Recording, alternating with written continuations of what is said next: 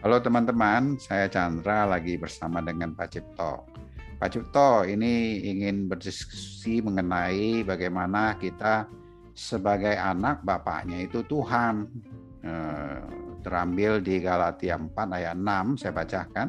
Dan karena kamu adalah anak, maka Allah telah menyuruh roh anaknya ke dalam hati kita yang berseru, ya Abah, ya Bapak.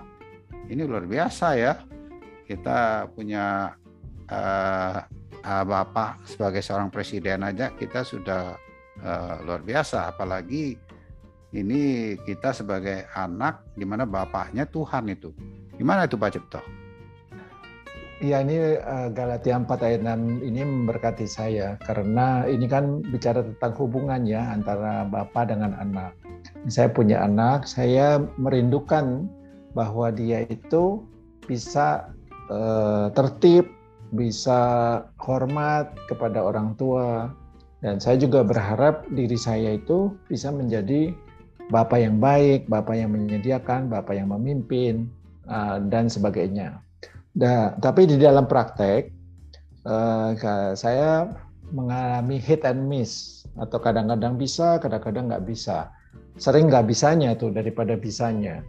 Dan ketika saya diberkati dengan ayat ini, saya uh, mendapatkan satu pencerahan bahwa Tuhan sendiri yang telah memberikan dan uh, menyuruh Tuhan Yesus itu uh, rohnya itu uh, tinggal uh, di dalam diri kita, di diri saya dan juga di diri anak saya. Sehingga Tuhan Yesus sendiri yang akan nanti uh, membukakan dan mendidik dan membimbing anak saya itu sehingga dia menjadi satu anak yang bersyukur dan dan bisa menghormati dan bisa membina hubungan. Demikian pun saya. Jadi saya menjadi bapak yang uh, memperhatikan anak saya bisa membimbing. Jadi bukan dari usaha-usaha saya atau anak saya tetapi dari roh Tuhan yang ada di dalam saya dan anak saya sehingga eh, tanggung jawabnya kita adalah percaya kepada Dia, kepada Rohnya yang besar, yang penuh dengan kasih itu, yang akan mempersatukan kita. Kita rindukan punya keluarga yang kuat. Ada satu hubungan yang kuat antara Bapak dengan anaknya. Dengan uh, kita sebagai satu keluarga uh, ingin menjadi kuat. Nah, dan oleh sebab itu Puji Tuhan dengan ayat ini kita akan menjadi kuat karena roh Tuhan itu sangat kuat, sangat dahsyat. Dan di situlah pengharapan saya terpenuhi itu. Dan tidak usah tunggu sampai besok hari ini juga saya bisa bersyukur uh, bahwa saya mempunyai keyakinan itu bahwa roh Tuhan itu tinggal di dalam saya karena Tuhan Yesus itu setia dan uh, menetap di dalam saya dan anak saya dan dia yang akan memberikan hidup yang baru kepada saya. Jadi bukan kita lagi yang bergumul, tapi dia yang menyediakan. Sehingga saya dimampukan, dan saya mempunyai kemampuan sebatas Tuhan. Terima kasih Pak Secing. Wow, terima kasih Pak Cipto untuk penjelasannya.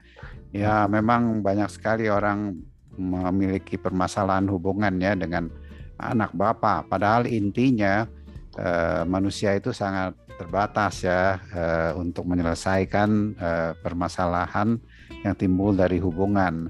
Tapi melalui roh Tuhan ini yang Anda telah jelaskan ini, itu solusi yang eh, sebenarnya ya Tuhan sudah berikan. Jadi teringat tuh Tuhan Yesus ketika berhubungan dengan Bapaknya dikatakan dia begitu menyatunya karena ada roh Bapak tinggal di dalam hidup dia sebagai manusia ya. Nah, itu yang diberikan kan kepada kita sehingga kita memiliki uh, ketaatan sejauh uh, Tuhan Yesus uh, kepada Bapaknya, demikian hubungan yang dia miliki yang akan dinyatakan bagi kita sementara kita di dunia ini ada Bapak dan anak itu. Begitu ya Pak Cipto? Amin Pak Sucing. Thank you. Oke, terima kasih Pak Cipto untuk sharingnya.